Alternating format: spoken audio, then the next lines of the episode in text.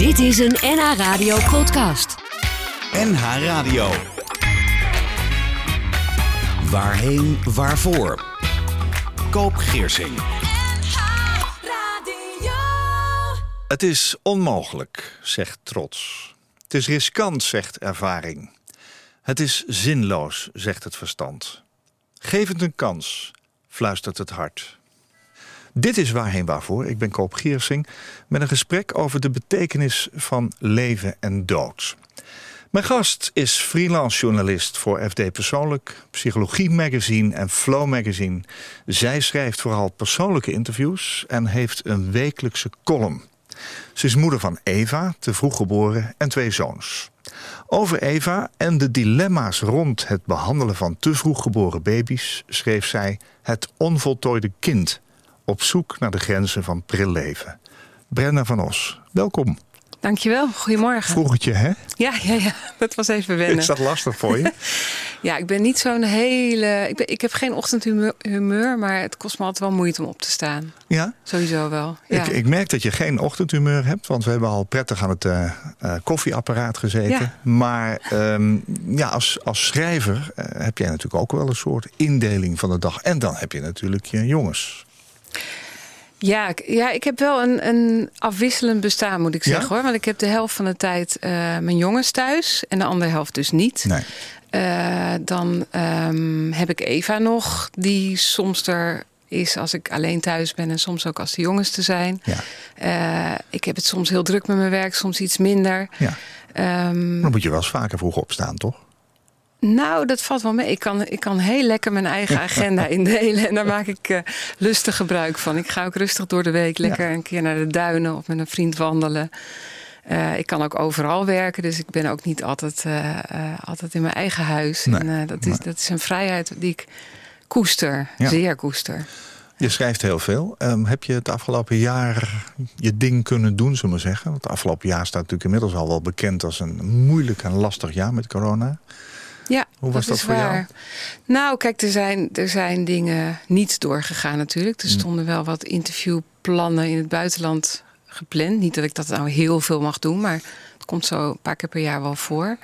Uh, nou ja, dat is overduidelijk niet doorgegaan. Nee. Maar er komen ook wel weer mooie dingen voor in de, in de plaats toch ook. En ik heb wel het gevoel dat ik, uh, dat ik lekker bezig ben. Ja. Die column gaat elke week door. Dus dat is iets wat, ja, wat mijn leven ja, beheerst. Klinkt zo negatief, maar waar ik altijd mee in mijn achterhoofd loop. Ja, dat kan ook niet anders. En um, ja, in die zin is het ook een interessante tijd om weer eens over te spiegelen. Ja. Um, ik merk wel dat het nu een beetje um, opraakt. Hè? Dus de, de afwisseling in ons bestaan is natuurlijk uh, toch wat minder het afgelopen Te overzien, jaar. zou je kunnen zeggen. ja, zo kan je ja, het ook ja, zien.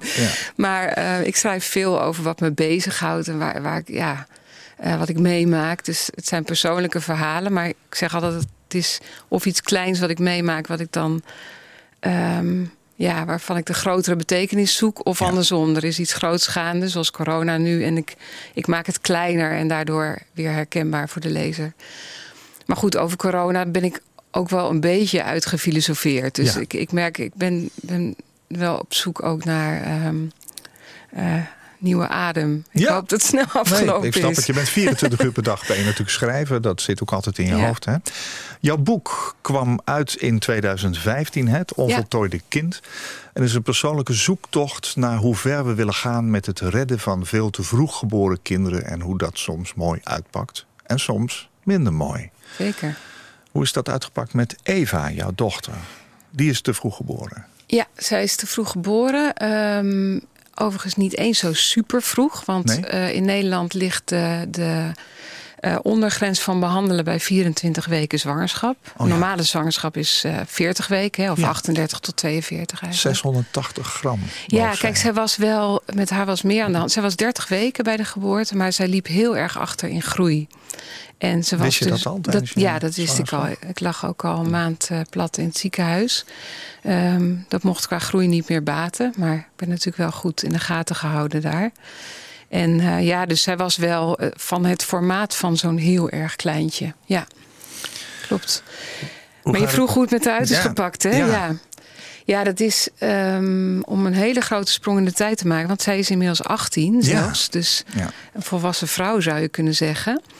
Um, maar als je kijkt naar haar ontwikkelingsniveau, dan is het een kleuter. Cognitief. Uh, kijk je naar haar communicatieniveau, uh, dus hoe ze zich ja, kan uiten, dan heb je te maken met een peuter. Um, dus ja, dat is natuurlijk uh, niet, niet wat je wenst voor een kind. Ze is ook doof. Um, kan wel een beetje iets met gebarentaal, maar niet, niet zo heel veel. Ze heeft ook autisme. Dus het is, het is wel een, een wel groot, veel. moeizaam pakket. Ja, ja. ja zeker. Hoe, ja. hoe gaat het nu met haar? Je zei al, ze is 18. Ja, nou ja, het heeft na al die jaren natuurlijk wel zijn balans gevonden. En het gaat eigenlijk best goed met haar. Ja? Kijk, zij, zij leeft heel erg in haar eigen wereld, zou je kunnen zeggen. Uh, daar, daar ook heel erg in het hier en nu, weet je. Ze heeft niet, niet zoveel gedachten over wat ze allemaal zou willen. Ze weet ook niet wat ze allemaal uh, mist, in onze ogen misschien. Uh, ja, dus ik denk ook wel eens dat we veel van haar zouden kunnen leren. Want ze is natuurlijk extreem zen, zeg maar. Zij is gewoon wie ze is. En, en uh, ja, ze neemt het zoals het komt. Um, dus ik heb het idee dat zij over het algemeen wel uh, gelukkig is. Um, kijk, maar goed, dan gaan we misschien meteen uh, met grote stappen door het hele verhaal heen. Tegelijkertijd, um, als ik naar haar bestaan kijk, vind ik het ook wel wat schraal. Maar goed, dat, ik realiseer me ook heel goed dat het met mijn blik is. Hè? Ja, met mijn verwachtingen ogen, van ja. het leven. Ja. twee mijn gast in Waarheen Waarvoor is Brenda van Os. Um, je wilde een mens op de wereld zetten, maar je hebt een diertje gebaard, zei de psychiater. Het is een zin uit het aangrijpende boek Het onvoltooide kind, uitgegeven door uitgeverij Balans. Brenda van Os vertelt hierin het verhaal van haar te vroeg geboren dochter Eva. Dit doet ze vanuit zowel het perspectief van een journalist als van een ouder. Eva heeft haar als mens sterker gemaakt en ook milder. Je zei net, Brenda, dat je soms je afvraagt of haar bestaan niet wat schraal is. We hebben even over doorgepraat tijdens het liedje. Ja. Als ze bij jou thuis is, hoe is ze dan? Um, verschilt een beetje per keer. Ja, wat ga, gaan jullie um, dingen doen bijvoorbeeld? Ja, ik zorg altijd dat we lang naar buiten gaan. Oh ja. Dus uh, ik woon uh, in Haarlem, dus ja, uh, vlak aan gunstig. Ja. ja. vlak bij de zee, vlak bij de duinen, vlak bij het bos. En ik ga altijd een hele lange wandeling met haar maken. Dat vindt ze ook leuk. Vindt ze fijn, ja? Ja, vindt ze heel Waar fijn. merk je dat bijvoorbeeld aan? Nou, dan ja, een soort enthousiasme. Kijk, ze wordt in de loop van de wandeling wel moe, maar in het begin rent ze heel erg vooruit. Oh ja? Zeker als ze het uh, traject kent. En uh, ja, dan maakt ze wat, wat hoge geluidjes, die ik gewoon ken als uh, ik heb het naar mijn zin. Ja, ja, ja. ja. ja. ja. En ik, ik merk ook dat ze. Um, kijk, zij is een kind die heel erg goed in haar eigen wereld kan zitten. En uh, ze houdt bijvoorbeeld erg van tekenen. En ze tekent dan uh, um, op dit moment, dat verschilt een beetje per jaar, zullen we maar zeggen. Uh, heel veel kapitein Haak en Peter Pan.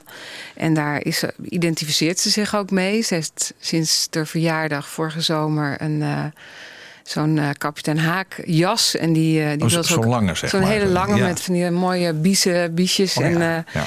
een soort zeerovers... Um, ja, uh, pailletten erop. En, en uh, die wil ze dus ook altijd aan. Oh, en ja. ze heeft een, ja. een, een, een kleer, een, zo'n haak van een kledinghanger. Oh, dus als hand. Waar ze altijd mee uh, loopt. Oh, ja, ja, en een, een, een gummizwaard. En um, kijk, dat, dat, is, dat is heel leuk om te zien. Heel aandoenlijk natuurlijk. Je straalt en, ook als je dit vertelt. Ik, zie het aan je ogen. Ja. Nou ja, het, het hoort echt bij. Dus en dan het, zo met haar door de duinen en dan heeft zij dat pak aan. Ik zie dat voor me. Ze is heel, ze is heel eigen. En ja. ze heeft ook humor. Dus het, dat, ja, dat zijn leuke aspecten van haar. Maar het is, het is wel iets dubbels. Want het is aan de ene kant wat haar eigen maakt. Het is aan de andere kant ook een obsessie. Uh, waar, oh ja? Ze, ja, waar ze niet uh, zichzelf in kan remmen. Dus aan, aan mij en aan de begeleiders als ze op de woongroep is waar zij woont... is het toch om, uh, om haar ook een beetje uit haar wereld af toe te halen... naar de onze toe. En andere dingen te laten eh, ervaren. En ook contact te laten hebben. Hè? Want als ze alleen maar tekent en in haar eigen filmpjes zit, dus die, die ze in haar hoofd dan afdraait en Ja. waar ze in meegaat, dan, dan maakt ze ook eh, echt geen contact met de buitenwereld. Oké. En bijvoorbeeld dat wandelen, eh, hoe meer je met haar gaat doen, hoe meer ze ook ja, uit haar eigen dingen komt en contact maakt. ja. En Ja. daarna weer ehm, ja, wat opener staat voor, voor andere dingen in huis en de broertjes. En, Ja. ja. ja. Ja. En dan even nog om dat terug te komen op dat schraal. Hoe Ja. bedoel je dat dan precies? Dat je toch bang bent dat ze te veel in haar eigen kokonnetje zit? Nou, dat is, ik vind dat wel een gevaar, omdat ze daar dus zelf ook, ook eh, onbegrensd in, eh, in is. En heeft ze daar last van dan, denk je? Nou, uiteindelijk wel, want. ehm, eh, ja, het is weer een beetje vanuit welk perspectief je kijkt. Maar ik denk dat het voor haar goed is om wel geprikkeld te worden van buiten. Om Ja. ook. Je om- ziet dat ook voor ik, je. ik- ja, ik, Ja, ja, en ik zie dat, dat. gewoon gebeuren. En ehm, als ze te veel eh, alleen haar eigen ding mag doen, dan draait ze daar ook wel in vast. Dan wordt het echt obsessief. En Ja. ja. Ja. Wat was je vraag ook alweer? Nee, het is dit, je, Oh, hebt het, je hebt het goed toegelicht. Ik Nou, snap ik het. wil- het gaat wil- ook om perspectief. Ja, en het is, het is wel op dit moment, ehm, dat wou ik er eigenlijk nog over zeggen, zo dat door corona ook er weinig kan natuurlijk, ook op de Ja. groep. Ja. Dus de woon, ze woont ergens in een klein, kleine instelling, maar Ja. wel met zes groepen. En normaal gesproken eh, eh, ja, spelen die samen in de tuin en komen die elkaar in dat gebouw tegen. En nu wordt dat heel angstvallig gescheiden. Ja. En de dagbesteding is dicht. Dus, dus het is nog een groter risico dat ze echt alleen maar in Ja. in haar hele kleine wereldje zit. Ja, en dat. Dat, daar maak ik me wel eens een beetje zorgen over. Je zei, ze is doof, hè? Ze, ze eh, praat eigenlijk niet. Ehm, ze, ze giechelt wel. Hè? Ja. Ziet leuk, eh, je vertelt ergens ook in je boek dat als eh, met iemand iets misgaat... dan ligt zij bij wijze van spreken dubbel van het lachen. Zeker, ze heeft absoluut humor ook. Ja, hè? Ja, ja. Dat, dat is natuurlijk heel erg leuk. Hoe communiceer je met haar? Hoe, hoe weet zij wat jij wil en hoe weet jij wat zij wil? Nou, we gebruiken een, eh, een planbord met pictogrammen. Ehm, dat is niet heel uitgebreid, dat is echt heel feitelijk. Dus daar, daar plak ik op, we gaan eerst pap eten en dan gaan we naar het bos en dan mag je tekenen. En als ze snapt dat systeem goed, Oh dus ja, als zij iets eh, anders wil, dan plakt ze het erbij. En als ze iets niet wil, dan moffelt ze die eh, pictogram eh, Ja, moffelt ze weg. Ehm, dus dat is, dat is één ding. Daar, daar, ja, daar geef je er wat structuur mee. Hè? Dan Ja. kan ze haar dag ook overzien. Mhm. Elkaar aanraken, doe je dat ook? Ja, natuurlijk. Een heleboel, heleboel eh, communicatie is gewoon heel eh, eh, licha- lichaamsgericht, zeg Ja. maar heel erg in met lichaamstaal. En ze kan toch ook wel wat gebarentaal. Oké. De ene dag kan ze daar wat beter bij dan de andere dag. Maar ze, ehm, nou, het hier en nu snapt ze wel redelijk wat. Ja, Jullie kunnen elkaar begrijpen, snap ik. ja maar wel echt op dat hele praktische niveau. Dus eh, ehm, Maar je hebt wel in de gaten of ze het naar de zin heeft of niet, bijvoorbeeld. Ja, maar dat moet ik wel echt aflezen. Hè? En ik weet Oh, dat ja. dan ja, toch ook niet altijd even zeker Nee, nee, eh, hoe iets voor haar is. Want ze kan, daar, ze kan dat, dat niet vertellen. Niet, Nee. Niet, nee. nee, snap ik. In 2002 werd zij geboren, Eva, veel te vroeg. Hè? We zeiden al 680 gram. Haar hoofd had het formaat van een tennisbal, schrijf je. Haar lijfje kon, eh, zoals je schrijft, onder mijn hand verdwijnen.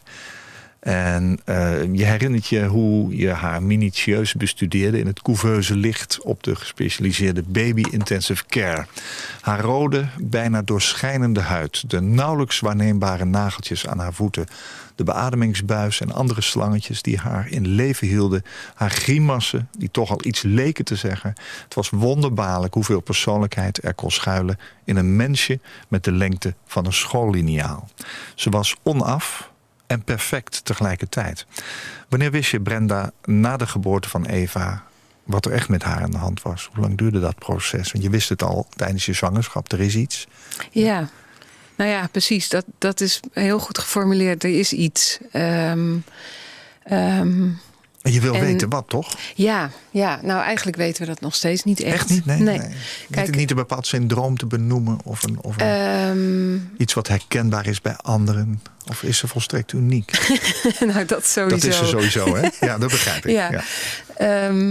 Nee, we hebben uiteindelijk, maar dat is pas een jaar of drie geleden, nog wel een syndroom gevonden.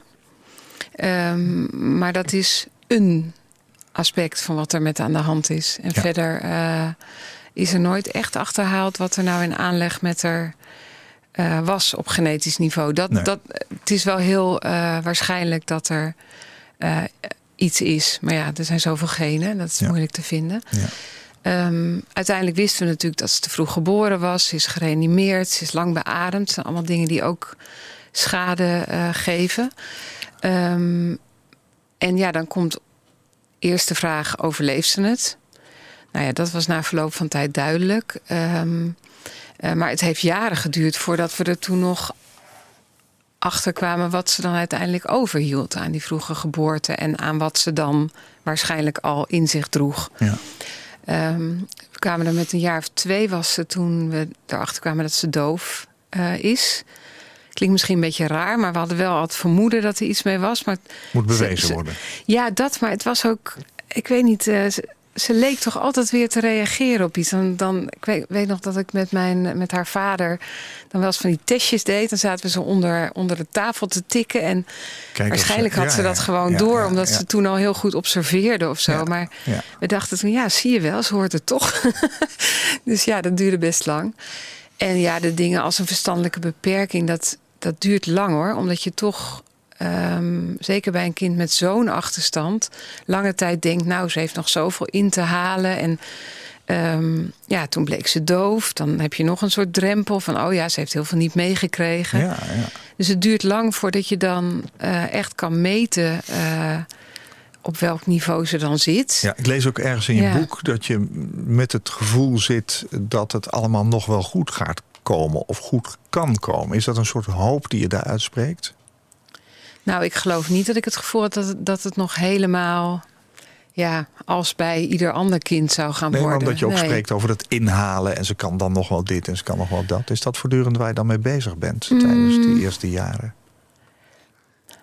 Nou, dat, dat niet in de zin van dat het, dat het ingehaald moet worden, maar wel eh, dat je bezig bent met ervoor zorgen dat, eh, dat ze alle kansen krijgt. Dat Ja. je er goed achter komt wat er met Ja. haar is. Eh, Autisme speelde ook nog, bleek later.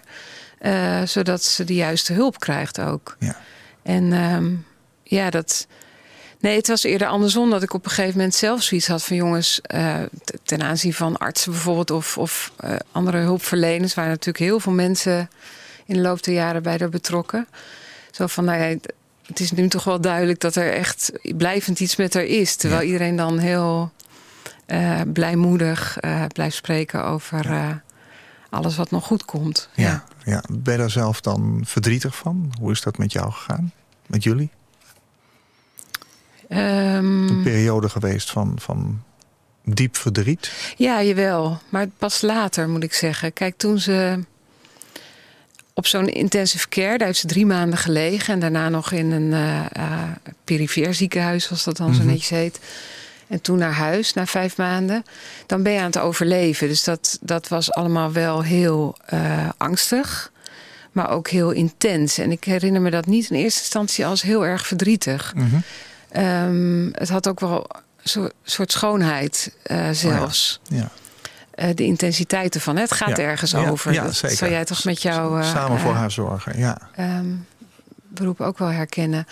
Ehm, en de jaren daarna was er denk ik eer, inderdaad weer meer dat gevoel van schouders eronder. En we gaan, we gaan zorgen dat ze op de juiste plek terechtkomt. Ja, en, het zo, zo goed mogelijk gaat. Waarbij, wanneer bij mij verdriet kwam, was toen het op een gegeven moment niet meer lukte thuis. eh onder, ja, onder, ik weet eigenlijk niet eens hoe je dat moet formuleren, maar om er zoveel eh, begrenzing te bieden dat ze eh, rustig Oh ja. zich kon ontwikkelen. Ze, Begrenzing te bieden. Dat, is- want nou, dat was belangrijk bij haar. Want zij, zij, dat autisme ging toen Ja. opspelen. Ze Ja. was heel erg geprikkeld. Dus de, en daar, ja, de, een autistisch kind kan daar zelf niet, niet mee omgaan. En eerst, dat, dat moet je, daar moet je echt hulp bij bieden. Ja, dus natuurlijk. structuur aan de dag geven. eh, zorgen dat je een communicatiemiddel hebt op, op niveau. Ja. Eh, dat hebben we echt moeten leren. Ja. En ja, het, het was ook heel intens toen, want ze sliep ook slecht. Eh, ze heeft heel, heel veel eetproblemen gehad, dus dat, dat kostte uren per dag. Ehm, als we met haar naar buiten gingen, dan was het. Ja, ze, ze stoof weg. En, eh, ehm, maar goed, die, die periode was dus intens. En ja, uiteindelijk hebben we besloten om haar ehm, eerst te laten logeren. En vervolgens toch vrij snel ergens anders te laten wonen. wonen, ja. ja. En die beslissing kon ik wel heel erg achter staan. Maar daarna kwam toch wel een periode van, van verdriet. En ja, ook omdat, het, omdat ik het echt. Toen had ik echt een, het gevoel dat zij het ook naar had. Oh ja, dus ik had ja. met, die, met die moeilijke nachten en dan in een instelling moeten wonen waar je ja, toch ook wel een beetje ontheemd bent, ondanks alle lieve verzorging. Ehm, en ik had in die tijd heel erg het gevoel dat zij ja, misschien wel een soort van opgesloten zat in haar hoofd. Weet je, dat er veel meer in haar omging Ja. dan wat ze kon uiten. En dat, Ja. dat beeld, dat, dat- daar had ik, eh, ja, daar had ik verdriet ja, van. natuurlijk. Ja, als Ja. moeder zeker. Ja. Ja. Je hebt nog twee zonen. Dus Zeker. Een heel gezin. Ja. Ehm, jouw boek heet Het Onvoltooide Kind. Je bent op zoek gegaan naar de grenzen van pril leven. We praten zo over verder. Ik vraag iedere week mijn gasten om drie liedjes mee te nemen... die op zijn of haar eigen uitvaart ooit misschien gehoord moeten worden. En dat klinkt altijd een beetje luguber, maar het, is wel, het zijn vaak wel van die liedjes waarvan je zegt... eh, je nog koffie zo? Want dan gaan we halen hoor. Oh nee, Ja. het is goed. Het zijn van die liedjes waarvan je zegt, ehm, die doen mij wat. Je Ja. hebt drie liedjes meegenomen. De eerste is een vrij lange, dus daar gaan we ook zo aan beginnen. Ja. En je zegt, het moet iets met Pasen te maken hebben. Nou, Want dat nee, is het nee, namelijk is- binnenkort. is het ja, ja. andersom? Het was meer andersom. Oh, dat ik dacht, ik vond het een enorme opgave trouwens. Dat keuzestress, hè? had Ja, echt, ja. ik dacht eerst van jeetje, ik weet, er schoot me niet meteen iets te binnen, maar daarna eh, schoot me zoveel te binnen dat ik eh, Oh ja. eh, echt dacht ik kan wel een uur vullen. Maar goed, ik dacht ik, ik wilde het in ieder geval afwisselend hebben en dus dacht ik ik wil één klassiek stuk, want Ja. dat is toch iets wat op een andere manier raakt, in ieder geval bij mij dan ander soort, andere soorten muziek. ja. En doordat het bijna Pasen is, moest ik wel aan die Matthäus Passion denken. Oh ja, natuurlijk. Ehm, en dacht ik aan eh Erbarme dich. Ja, toen had ik nog even met jou eh, een eh, onder onsje van... een, het is een nou... aria, hè? dus het moet eigenlijk gezongen worden. Ja, precies. En ehm, eh, uiteindelijk draaien we nu volgens mij een instrumentale versie met cello van Yo-Yo Ma. En ik dacht ook, ehm, ja, ik geloof zelf niet, dus Erbarme dich, mijn god, dat ging me misschien ook iets te ver. En dit Noemen wij het. Erbarme dich. Ja. Jojo Ma op de cello. Ton Koopmans en het Amsterdam Barok Orchestra.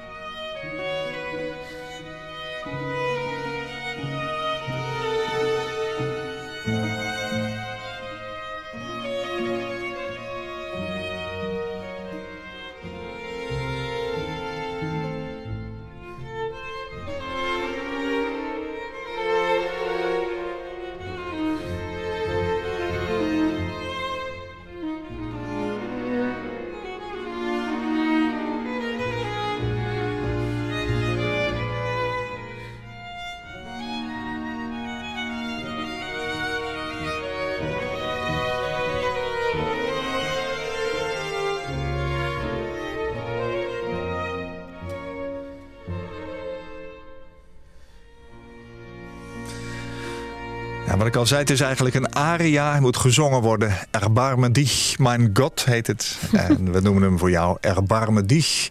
De bekendste aria uit de Matthäus Passion van uh, Johann Sebastian Bach. Hier gespeeld door de Chinees-Amerikaanse componist en virtuoos cellist Yo-Yo Ma. Ja, mooi hè? We hebben het over Eva. Over jouw boek Het Onvoltooide Kind. Brenda van Os is mijn gast. Ja, het is een heel mooi stuk. En je komt hierdoor ook weer een klein beetje in dat zen-gevoel, hè, wat je al even zei. Ik vind het echt een soort golf, dit. En ja. ja, arm om je heen. Ik weet niet, heel troostrijk. Troostrijk, ja. ja. Dat is een mooi woord. Ja, zeker. Wat hebben de handicaps en problemen die Eva heeft met jou persoonlijk gedaan? Je hebt net verteld dat er na een aantal jaren ook wel eens verdriet was. Ja. Maar ergens in je boek schrijf je ook dat je het ja, misschien ook wel niet had willen missen. Ja. Het heeft jou veel opgeleverd als mens, zeg je. Wat heeft het met jou gedaan? Ja, ik, weet je, het is eigenlijk een hele moeilijke vraag om antwoord op te geven. Want ze is er natuurlijk al 18 jaar. Um, ehm, 18 jaar in jouw leven? Ja, dus ik, ik denk dat ik eigenlijk helemaal niet weet wie ik geweest zou zijn als ze er niet was geweest. Nee. Dat, dus, um... Weet je nog wel uh, hoe je als mens in het leven stond voordat je van haar zwanger was? Ja, bleu zou ik nu zeggen. maar ja, dat geldt waarschijnlijk voor iedereen uh, op die leeftijd. Ik was 30 toen ze geboren werd. Ja. En uh, ja, bezig met een beetje carrière maken en eerste huis kopen, dat soort van dingen. Ja. Um, ik denk wel dat ik. ik, ik Onbezorgd, wel... zou je zeggen. Ja, ja, het is niet zo dat ik, dat ik helemaal, helemaal geen van toeten nog blazen wist over wat, wat ernstiger zaken in het leven. Ik kom ook wel uit een gezin waarover veel gepraat wordt. Ja? Maar dit, dit ja, ik, ik, was er ook gewoon vanuit gegaan om een uh, gezond kindje te krijgen. Weet je, daar denk je ook, dat is maar goed ook. Ja. Ik dacht daar verder niet uh, over na. Snap ik. Ja. En hoe het mij veranderd heeft, ja. Kijk, ik heb altijd een beetje een hekel aan mensen die bij tegenslag uh, echt zeggen dat het een soort zegen is. Weet je, het, is niet dat ik dit niet had willen missen. En ik had het haar ook zeker uh, anders gegund. Dus dat vind ik wel heel belangrijk om, om te zeggen. Tegelijkertijd heeft het me natuurlijk ook gevormd. En ja, daar ben ik ook blij om en uh, ja, tevreden mee. Dat is gewoon hoe het is gegaan. Ja. Je zegt, ik had het haar anders gegund. Ja. Het idee dat ze er zelf heel veel last van heeft? Nou, dat, dat idee heb ik inmiddels dus niet meer. Kijk, wat ik net vertelde toen ze een jaar of zes, zeven was en uit huis ging. Toen had ik wel echt het idee dat ze eh, dat het leven ook naar voor haar was. Dus daar, dat, dat was ook mijn, mijn verdriet toen. Ja. Dat, dat, dat is al, al jaren niet meer zo. Ze heeft gewoon een, een balans gevonden en is daar zelf volgens mij prima happy uh, in. En dat, dat maakt het voor mij ook heel veel acceptabeler dat het zo is zoals het is. Ja. ja. ja. Zit ze elke minuut in je hoofd? Nee. Nee. Nee. Nee. Dat is echt al lang niet meer zo. Nee. Nu is ze 18, hè? Ja. Eh, blijft het zo, denk je? Zo, zo, haar ontwikkeling en zoals ze nu is? Of uh, zie jij nog dingen die gaan veranderen? Of, of, of werk je daaraan? Of hoop je daarop? Uh, nou, eh, niet per se. Ik bedoel, nee? het is ook goed zoals het is. En ja. Het kan best zijn dat er nog kleine stapjes komen. Maar dat zijn echt ja. kleine dingen hoor. Even een voorbeeld. Ze had laatst um, uh, als taak gekregen op de woongroep om, voortaan, om te leren tafeldekken. En toen, uh, nou, dat, dat, gaat ze dan een eh, paar maanden doen. Hè. Dat staat dan ook in zo'n handelingsplan, oh ja. echt als doel. Ja. Heel officieel allemaal.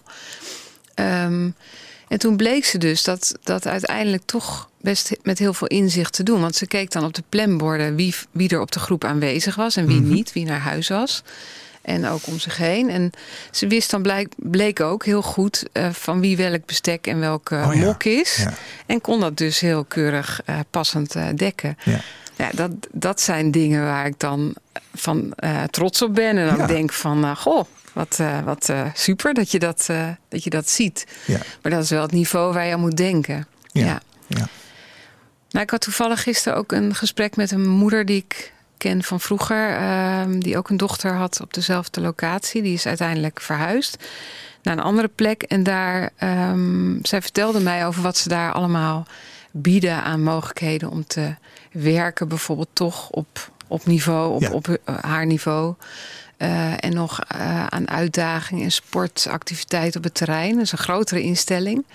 En toen dacht ik wel, ik kan me er wel iets bij voorstellen dat ze over een tijdje nog eens verhuist naar een plek waar weer ander soort impulsen zijn, waardoor ze denk ik toch nog weer zelfredzamer gaat worden Oh ja. dan ze nu is. Want ze is, ze is ook wel, ze vindt het allemaal wel lekker makkelijk. Ze Oh laat ja. zich enorm aanleunen. In de watten leggen vindt ze Ja, ook ja, ja, ja. Ze, ze zegt ook heel, dit is helpen. Hè? Dus je kan een werkwoord, ja, dat ziet natuurlijk niemand op de Nee, radio. je, je, maar ma- je, je maakt twee vuistjes boven ja, elkaar. zeg maar, je, je, je Alsof je een boomstammetje pakt. ja, Zo. alsof je iets in het midden pakt. En dat ehm, dus, dus helpen. Dus dan zegt ze bij, bij alles eh, meteen helpen, helpen. En dan zeg ik nee, doe het maar zelf. En dan, Oh ja, nou wijs je weer naar jezelf. Ja, Eh, ja. dat- ja, ik, ik was even vergeten, is de radio natuurlijk.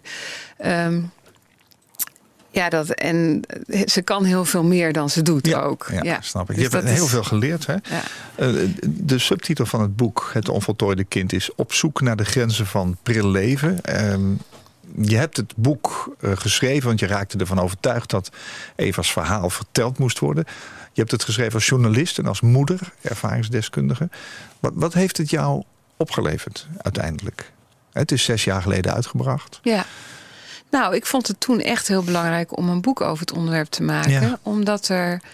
ehm, het is een hele wereld, hè? Er komen eh, ehm, best veel te vroeg geboren kinderen ter wereld. Ook heel vroeg, zodat ze op die intensive care komen. En ehm, een deel daarvan houdt toch behoorlijk wat schade, als ik dat zo mag noemen, Ja. over eh, handicaps over aan die vroege geboorte. En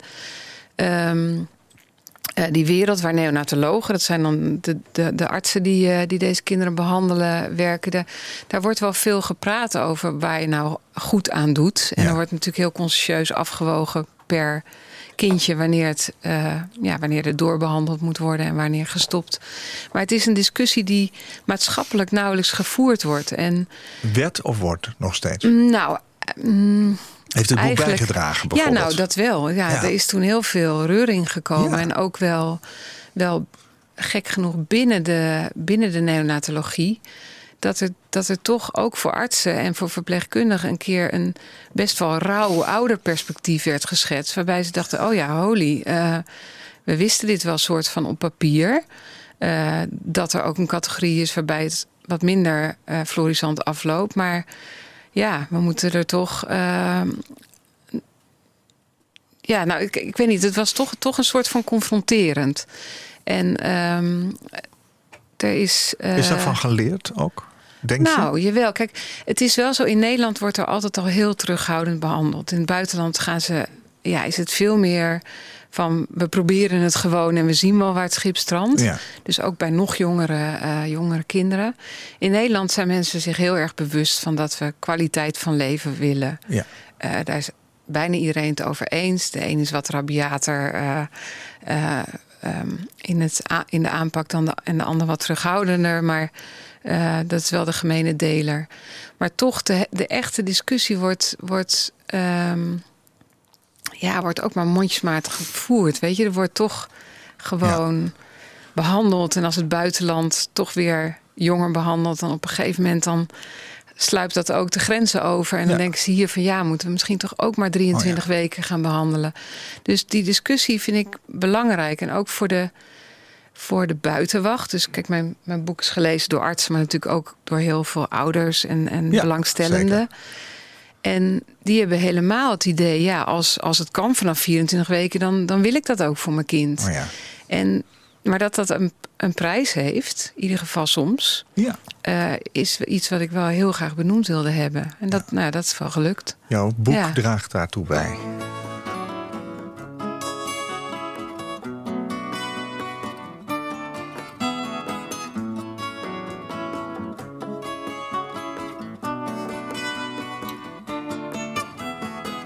Is misschien wat laat.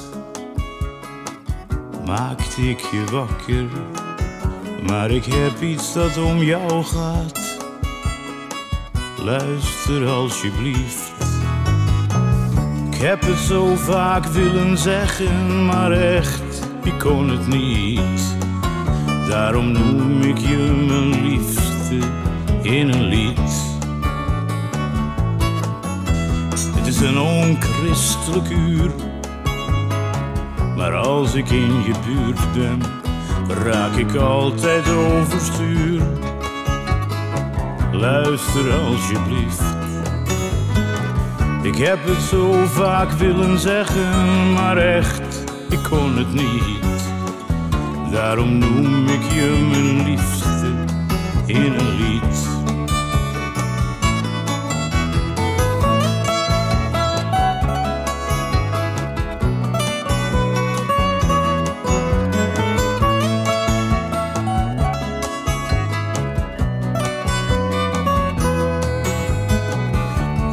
Zo vaak willen zeggen, maar echt, ik kon het niet.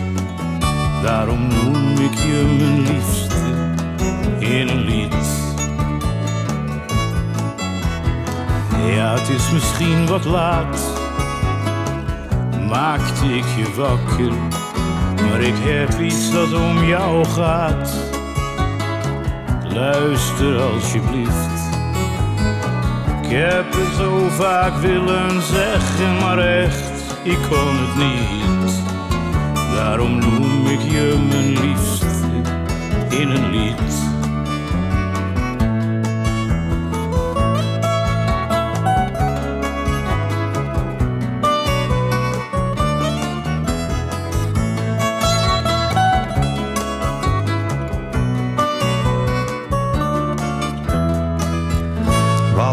Liedje. Ja. Cornelis Vreeswijk. ja, bijzondere keuze, hè? Dat, dat kan je wel zeggen, ja. ja. Ja. Het is een liedje van ehm, Jim Croce. Het is een singeltje geweest in 1976 zelfs. En daarom noem ik je mijn liefste in een lied. Heet eh, officieel I'll Have to Say I Love You in a Song. Vreeswijk overleed twaalf jaar later in Stockholm. Twaalf jaar na dit singeltje, zullen we Ja. zeggen. Waarom ehm, deze meneer? Ja, dat is voor mij jeugdsentiment. Echt waar? Ja, ja, Ja. ja. mijn vader is een vreselijke grote Cornelis Vreeswijk fan. Dus alles, eh, ja. Ik denk dat mijn, eh, mijn zus en ik woordelijk eh, alle liedjes eh, kunnen mee, eh, mee zingen. Ja, hij zingt, hij, hij zingt vooral in het Zweeds. Hè? Laat maar eventjes horen, het volgende fragment. En daar heeft hij ehm, natuurlijk ook een heel andere taalgebruik. Luister maar even mee.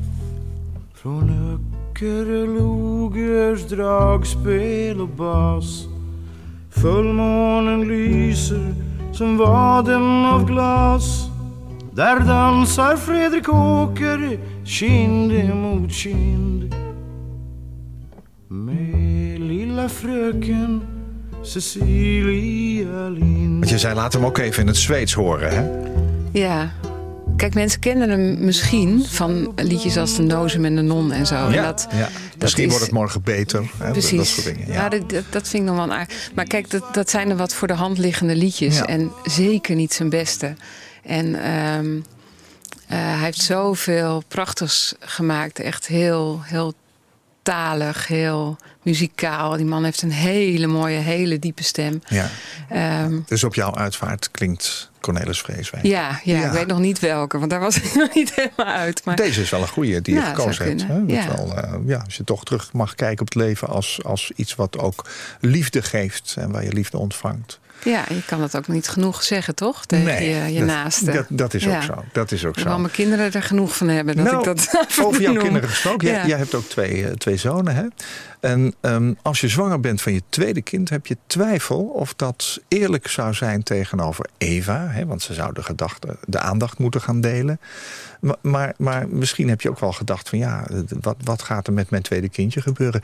Hoe, hoe heb je die aandacht kunnen verdelen? Want je hebt eh, twee zonen uiteindelijk. Ja. Dus je hebt een gezin met drie, waarbij Eva natuurlijk toch een eh, bepaalde positie heeft. Hoe is dat gegaan? Hebben jouw zonen Ehm. aan aandacht tekort gekomen? Dat ga je vast nou, nee dat zeggen. denk maar... ik niet hoor. Nee, Nee? nee.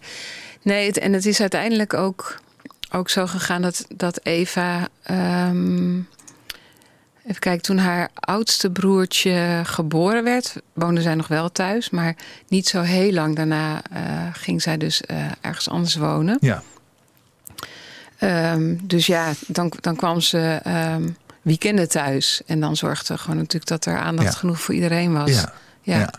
Maar haar jongste broertje die heeft, heeft gewoon nooit met haar in één huis gewoond. Nee, dat begrijp ik. Hoe is dat als ze samen zijn? Ehm, Gewoon gezin.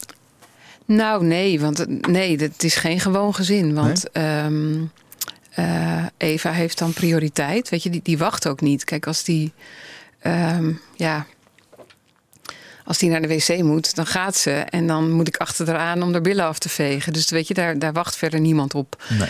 Ehm, dus dus het, is, het was toen ze kleiner waren wel eens vervelend dat, ze, ja, dat alles dan in eerste instantie om haar draait. Ja. Zeker de jongste, die vond dat wel eens onverkwikkelijk. Ehm, Waar merk je dat aan? Nou ja, die, die, die vond het gewoon irritant dat er, dat er dan weer gewandeld moest... of dat er dan weer dit moest of dat moest. Ja. Daar gaan we Ja. weer. Ja, ja. Ehm, maar goed, dat is logisch. Dat is een kind, hè? die wil gewoon eh, graag dat het om hem draait. ja tuurlijk. Ja. maar ja, nu worden ze ouder en hebben ze ook hun, hun eigen dingen. En, Ja. eh, Dit, als, als Eva thuis komt en ze zijn er, herkent ze haar, eh, herkent ze haar broertjes? Zeker, zeker. Maar er is weinig samen. Kijk, ze, ze observeert wel graag. Dus als de jongens aan het stoeien zijn, dat doen ze nog steeds heel regelmatig. Dan, dan kijkt ze daarnaar en dan lacht ze erom. Oh ja, Die jongens kunnen ook wel goed met haar omgaan. Dus in die zin helpen ze me ook wel. Dan eh, eh, eh, zorg, helpen ze er even met het kiezen van een dvd. En Oh ja, ze weten precies ja, van al haar ehm, voorwaarden en dingetjes die ze fijn vindt. het moet voor jou ook fijn zijn om te zien, of niet? Ja, zeker. Ja. Maar dat is ook wel de interactie die er is. Want er is verder, ja, zijn het een soort, toch een soort aparte werelden. Eva Ja. die, die doet haar ding.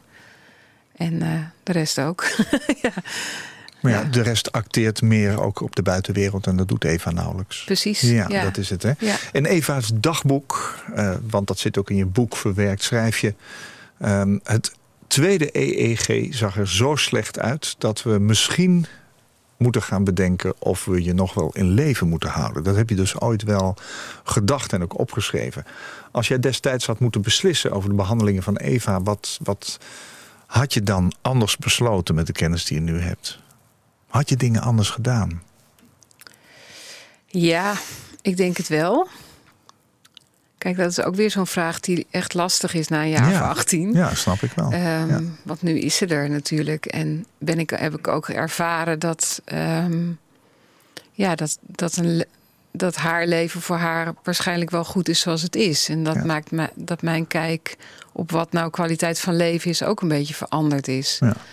Ehm, maar ik vind het nog steeds wel dat ze een moeilijk bestaan heeft. En ik, ik had haar wel een leven gegund met zelfstandigheid en eigen regie. En eh, Ja. Ehm, het heeft ons natuurlijk ook best wat, eh, wat eh, ehm, ja, gekost ook. Kijk, het is zo dat als, als ik toen in een glazen bol had kunnen kijken en had gezien wat er allemaal nog ging komen in de loop der, van die 18 jaar, dan denk ik dat ik eh, had gezegd: eh, behandel er maar niet.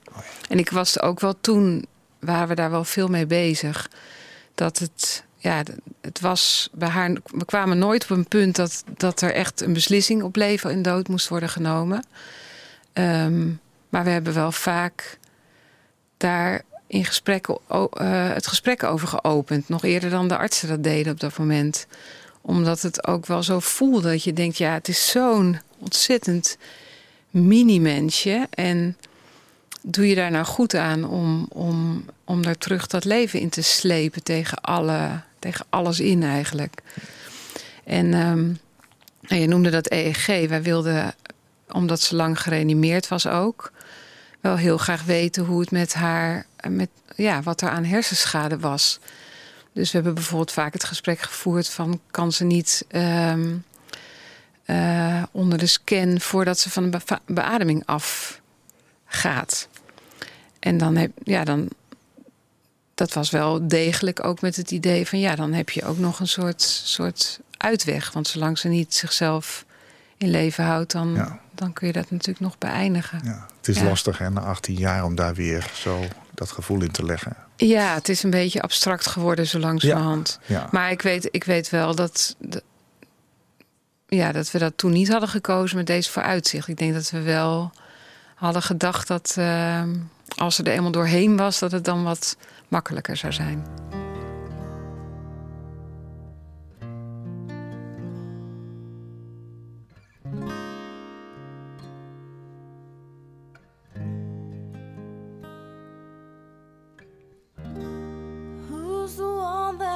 Makes you happy?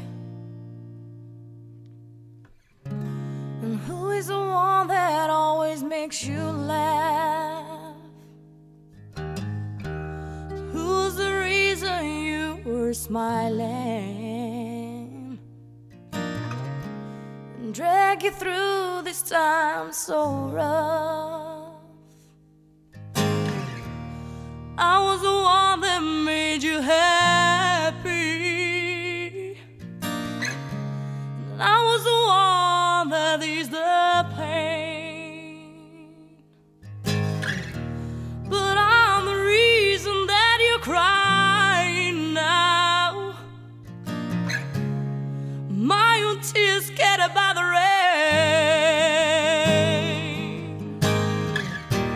rain. You can sacrifice me.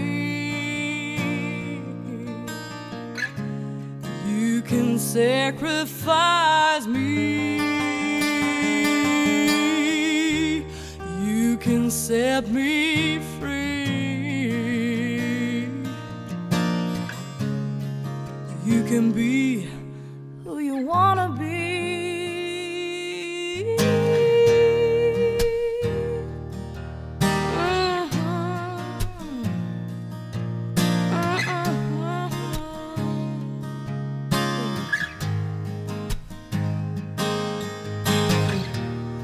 Deeper than deep, you took me on a trip, baby.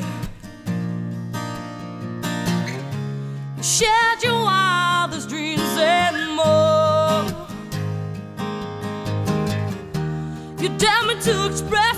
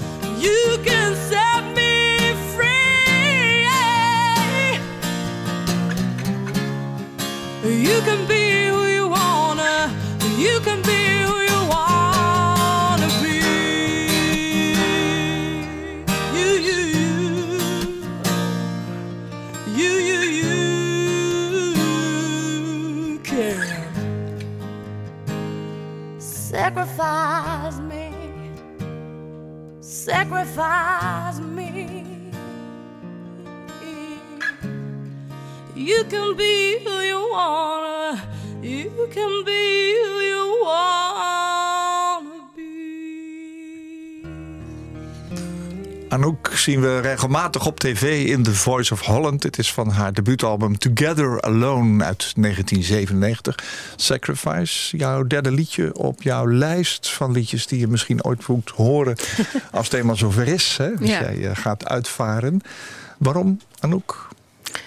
Ja, ik vind het een heel mooi nummer. De tekst is niet speciaal bedoeld voor mijn uitvaart, maar ik vind het een heel krachtig nummer. En eh, ik vind haar een hele sterke, onafhankelijke vrouw. En Ja. daar zou ik me heel graag mee identificeren. Nou, volgens mij ben je dat ook. Brenda van Os, het onvoltooide kind heb je geschreven. Roos Slikker, die een klankbord voor je was tijdens het schrijven van het boek... en die ook in dit eh, programma te gast is geweest, schreef ooit dat de eerste vraag van ieder gesprek zou moeten zijn... ben je gelukkig? Als dat mijn laatste vraag aan jou is, wat is dan je antwoord? Absoluut. Mijn gast in deze aflevering van Waarheen Waarvoor was freelance journalist voor FD Persoonlijk, Psychologie Magazine en Flow Magazine, Brenda van Os. Zij schrijft vooral persoonlijke interviews en heeft een wekelijkse column. Ze is moeder van Eva, te vroeg geboren. En ze is moeder van twee zoons. Over Eva en de dilemma's rond het behandelen van te vroeg geboren baby's schreef zij Het onvoltooide kind op zoek naar de grenzen van pril leven. Uitgegeven bij uitgeverij Balans. Dit doet ze vanuit zowel het perspectief van een journalist als van een ouder. En haar dochter Eva heeft Brenda van Os als mens sterker gemaakt en ook milder. Heb je, het zijn je eigen woorden. Hè? Ja, ja, ja. ja. Ik, Brenda, dat klopt ook. Dank dat je mijn gast wilde zijn. Wat een heftig, maar prachtig geschreven boek. Dankjewel. Jij bedankt. Alle goeds met je gezin. En, uh, en ik hoop dat je Eva weer snel ziet. Ja, ik, nou, ik heb haar eigenlijk net gisteravond teruggebracht. Dus uh, over twee weken. Ja? ja. ja. toch weer mooi. Ja. Ik hoop voor Eva dat ze jou ook weer snel ziet. Ja, dank. Koop Geersing. Als jij een keer te gast wilt zijn in Waarheen Waarvoor om te vertellen over jouw levensreis, laat me dat dan weten via waarheenwaarvoor.nhradio.nl. Waarheenwaarvoor.nhradio.nl. Dit was een NH Radio podcast. Voor meer ga naar nhradio.nl.